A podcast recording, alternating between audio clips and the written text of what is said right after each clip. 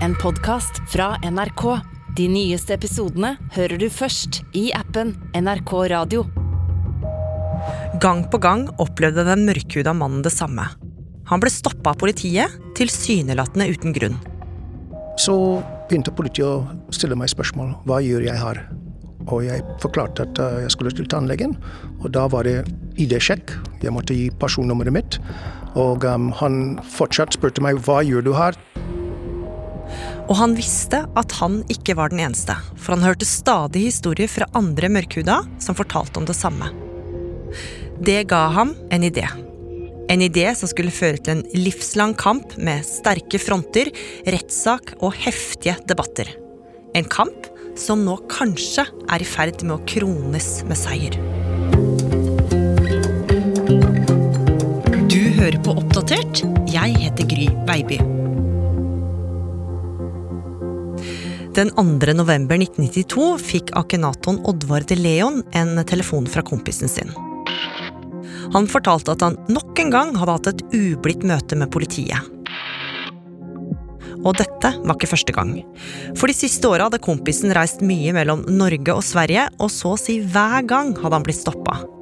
Dette var 17. gangen, og igjen ble han beordra om å kle seg naken, sånn at politiet kunne kroppsvisitere ham. Kompisen fortalte De Leon at det hadde endt i en fysisk konflikt, og nå vil han anmelde. Og Mari Reisjå, du er journalist her Oppdatert, og du har møtt De Leon, som har fortalt deg denne historien. Hva skjedde videre? Det endte jo med at politiet kom med en motanmeldelse, og De Leons kompis fikk jo en ganske alvorlig tiltale mot seg. Han blei tiltalt for å ha satt seg til motverge og nekta å la seg sjekke.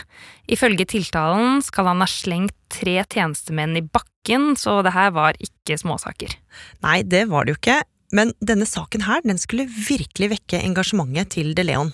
Ja, for nå så han jo virkelig hvor viktig det kunne være med dokumentasjon. Kompisen hans han hadde jo ikke noe bevis på at han hadde blitt stoppa 17 ganger, og politiet hadde heller ikke notert det her noe sted. Og hvis kompisen hadde kunnet bevise at han hadde blitt stoppa så mange ganger, så kanskje det ville påvirka rettssaken, for da ville kanskje dommeren hatt større forståelse for reaksjonen hans.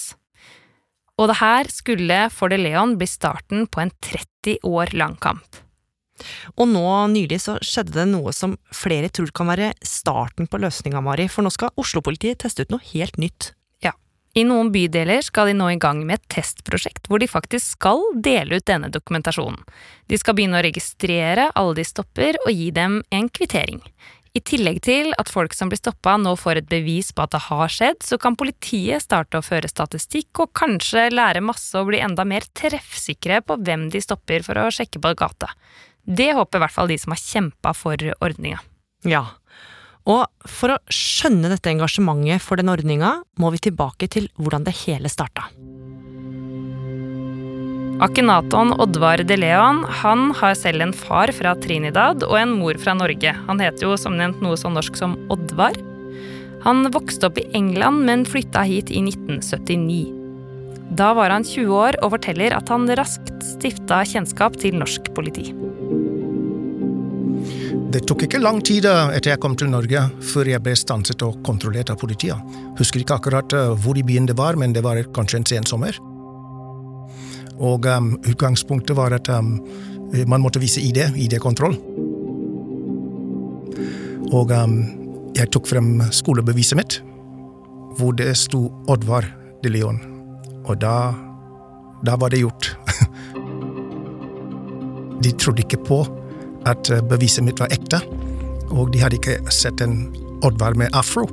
Og dermed så ble jeg tatt ned til uh, Grønland politihuset, uh, hvor de da måtte kjøre en kontroll på ideen min. Og da kom de ut etterpå og bare ga meg tilbake beviset mitt og sa ja, nå kan du gå. Ikke noe beklagelse eller noen ting. Um, og det var det.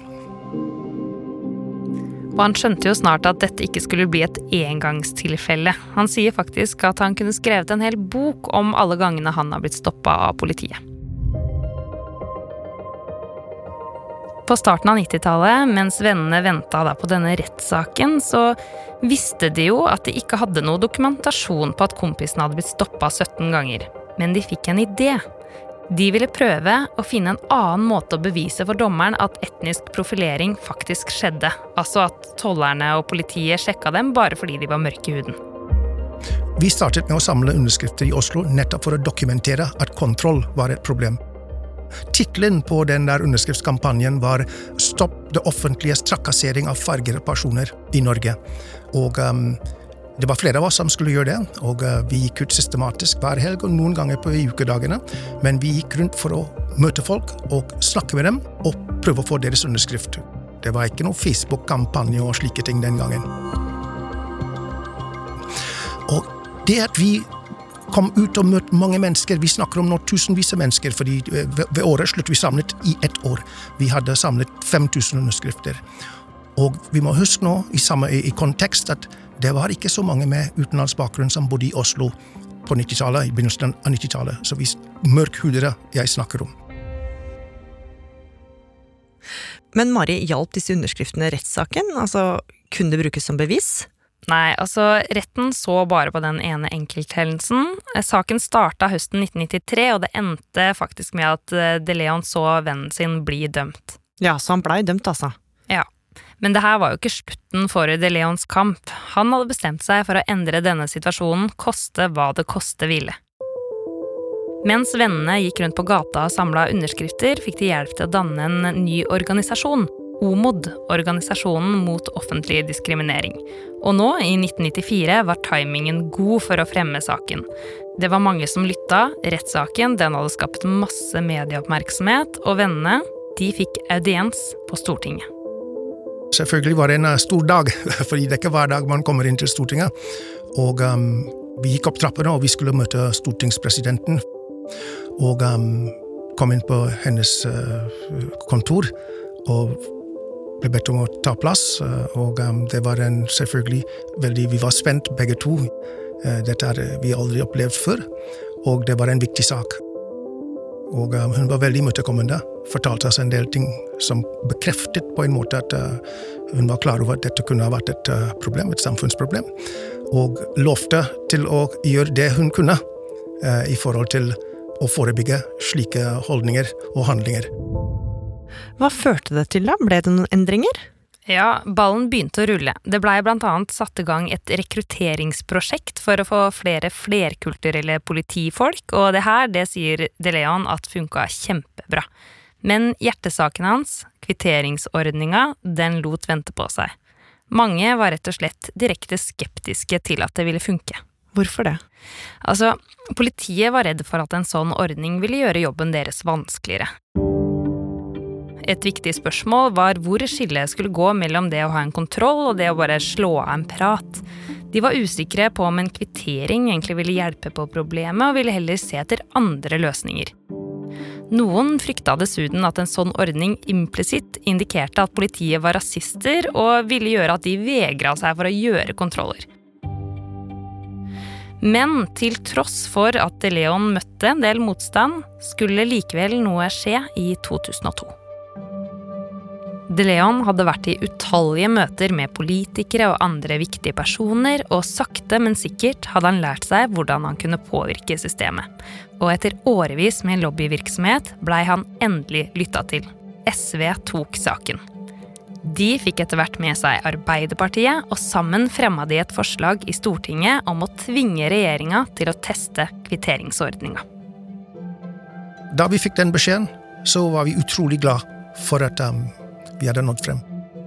Litt overrasket, og kanskje trodde ikke på egne ører, men uh, vi var utrolig lykkelige for at saken nå hadde kommet for Stortinget. SV og Ap hadde ikke flertall alene, så de var avhengig av støtte fra andre partier for å få forslaget gjennom. De Leon han prøvde å påvirke, og SV og Ap jobba i kulissene. Det ble snart klart at de måtte satse alt på ett kort, og det var et ganske usikkert kort forslaget kunne få flertall om de fikk støtte fra Frp. Den 19. juni 2002, inne i den staselige, runde stortingssalen med gull og rød velur, var det klart for avstemming. Da det skulle voteres, så visste vi at vi trengte et flertall for å få dette gjennom. Og vi ble utrolig overrasket at Frp støttet forslaget. Fordi da var det vedtatt, og vi visste at vi hadde nådd frem til målet. Eh, det var å få en kvitteringsordning. Eh, det var utrolig unbelievable, og vi var veldig lykkelige for at, um, at det gikk gjennom. Og uh, det var ikke noe mer enn å vente og se nå hva som skjer. Det her må ha vært en kjempeseier for eh, De Leon, Mari. Det her hadde han jo jobba for i så mange år. Ja, men det er jo en grunn til at De Leon sier at de må vente og se. For to år etter avstemminga, når alt egentlig er klart fra regjeringas side, så fikk De Leon en kald dusj. Det blir ikke noe av planen som handler om at politiet skal gi folk som blir ransaka på gata, en kvittering. I 2002 ba Stortinget regjeringa om å lage en sånn kvitteringsordning. Den gangen støtta Frp vedtaket, men i går kveld ombestemte de seg. Og dermed er det ikke lenger flertall på Stortinget. Og det er særlig folk som er mørke i huden dette går utover. Den ressurssituasjonen det norske politiet er i dag, etter nedskjæringene de har fått, så ønsker iallfall ikke Fremskrittspartiet å bidra til et system som går på utprøving av ulike prosjekter. Vi ønsker at de midlene som finnes, skal brukes til kriminalitetsbekjempelse. Så det er penger det er som er greia her, altså? Det er klart det er et viktig moment. Gå ut og spør politiet hvordan de syns de har det.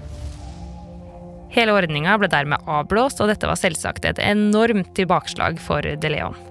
Da jeg hørte det, så selvfølgelig jeg ble veldig skuffet, og tenkte med en gang men hva gjør vi nå? Men han ga seg jo ikke av den grunn. Han bretta opp ermene og fortsatte å jobbe på. Tida skulle snart bli til år, regjeringer skulle komme og gå, organisasjonen OMOD, som han nå leda aleine, tok mange andre kamper underveis og fikk også flere seire. Men De Leon han glemte jo aldri kvitteringsordninga.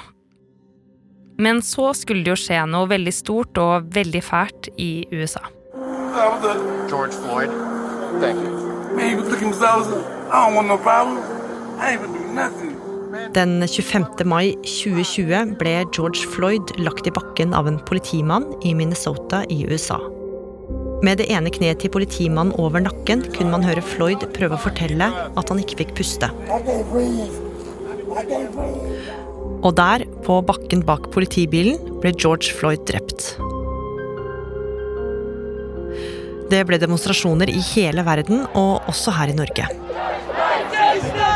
De demonstrerer for like rettigheter for alle, uavhengig av hudfarge.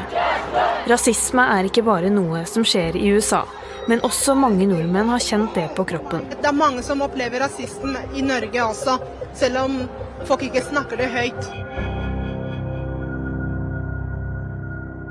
Mange starta å dele sine opplevelser med politiet. Hvem er du, hvor skal du, hva gjør du her? Så mye på ungdomsskolen. Nå fyller jeg snart 22. Jeg tror jeg opplevde kanskje opp mot 20 ganger eller noe sånt, at jeg har blitt stoppa uten grunn. I all denne elendigheten så jo De Leon at det ble mer fokus på hans hjertesak. Han gikk i nye møter med politikere og så at ting blei satt litt i bevegelse. Flere enn De Leon og Omod tok til orde for kvitteringsordninga, og i 2021 tok SV opp kampen igjen. Alt skulle jeg ta med en klype salt, og ha en vent-og-se-holdning fordi jeg vet at um, mye kan skje uh, underveis, men allikevel veldig, veldig glad for at dette var på dagsordenen igjen, og at vi var opp i Stortinget igjen. Men selv om saken hadde vind i seilene, var jo motstemmene fortsatt til stede. Politiets Fellesforbund synes også nå, nesten 20 år etter forrige avstemning, at dette var en dårlig idé det, det, som fort kan bli her, er at det blir veldig sånn eh, ressurskrevende. Eh, at man skal liksom ha en kvitteringsordning der, der det er den kvitteringa og det skriftlige og det materiale og det er litt sånn, litt sånn opptelling eh, som blir fokus, eh, framfor dialogsporet. Men da budsjettet for 2022 kom i desember, var det klart. SV hadde fått forslaget igjennom. Kvitteringsordninga skulle testes ut i Oslo. Denne uken ga regjeringen grønt lys for en såkalt kvitteringsordning for Oslo-politiet. De som blir stoppet av politiet, kan be om en kvittering hvor grunnen for kontrollen blir forklart, og også få tjenestenummeret til politibetjenten. Hvis jeg husker riktig, jeg fikk vite det gjennom media, og um, klappet, glad. Um, dette var en seier. Og nå har det nettopp blitt kjent at prøveprosjektet skal kjøres i gang fra 5.12. i år. Detaljene de er langt fra klare. Vi veit ikke hvordan det skal se ut, om det blir digitalt eller fysisk, hva politiet skal registrere, eller hvordan det skal gjøres i det hele tatt. Vi veit heller ikke hvilke bydeler ordninga skal testes i. Men De Leon han er selvfølgelig glad for at noe skjer. Og nå håper han jo bare at testen blir gjennomført på det han mener er en god nok måte. Kvitteringsordningen må være slik at politiet kan bruke det som et redskap for å analysere sant, sin egen kontrollvirksomhet. Det vil si at de må kunne få statistikk og informasjon, viktig informasjon, slik at dette kan bli analysert i etterkant, og at det kan brukes internt for å øke og bli bedre i deres kontroll, og ikke minst forebygge etnisk profilering. Alle partene her er jo enige om at ingen skal føle seg mistenkeliggjort av politiet, men veien dit, den er de ikke enige om. Men nå, etter 30 års intens kamp, skal kvitteringsordninga i hvert fall testes ut, så får tida vise om det funker eller ikke.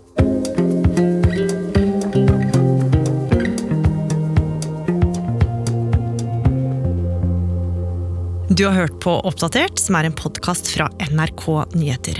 Og denne episoden den ble laga av Mari Reisjø, Espen Bjørlo Mellem.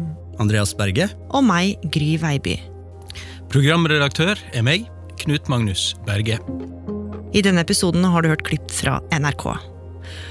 Har du tips eller innspill, så må du gjerne sende oss i redaksjonen en mail.